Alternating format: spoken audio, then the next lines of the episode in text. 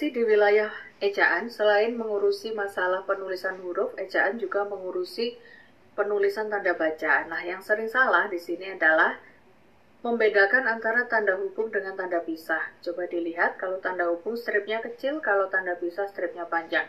Fungsinya juga tentu saja berbeda. Kalau tanda hubung ini digunakan untuk kata ulang, misalnya pagi-pagi. Lalu digunakan untuk pemenggalan kata, misalnya per kalian nulis ya di kali di baris pertama tidak muat, mau disambung ke baris kedua, maka harus ada tanda hubungnya. Kemudian penulisan huruf dengan angka seperti ini, memisahkan antara angka dengan huruf, ini perlu menggunakan tanda hubung.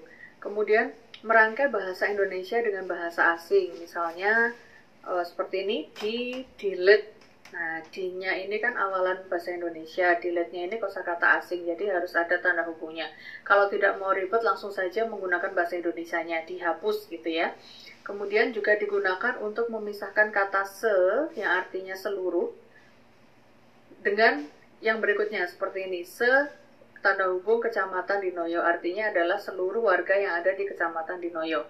Lalu di uh, apa namanya tanda hubung ini juga digunakan untuk memisahkan antara awalan dengan singkatan. Misalnya di ini awalan, singkatan kan eh, PHK ini kan singkatan, jadi dipisahnya dengan tanda hubung.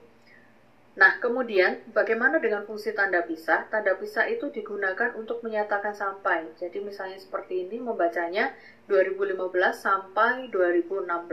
Nah, bagaimanakah cara membuatnya atau cara mengetiknya di komputer? Tulis saja seperti ini, strip dua kali 2016 lalu kita enter. Nah, maka otomatis akan menjadi strip panjang sendiri ya.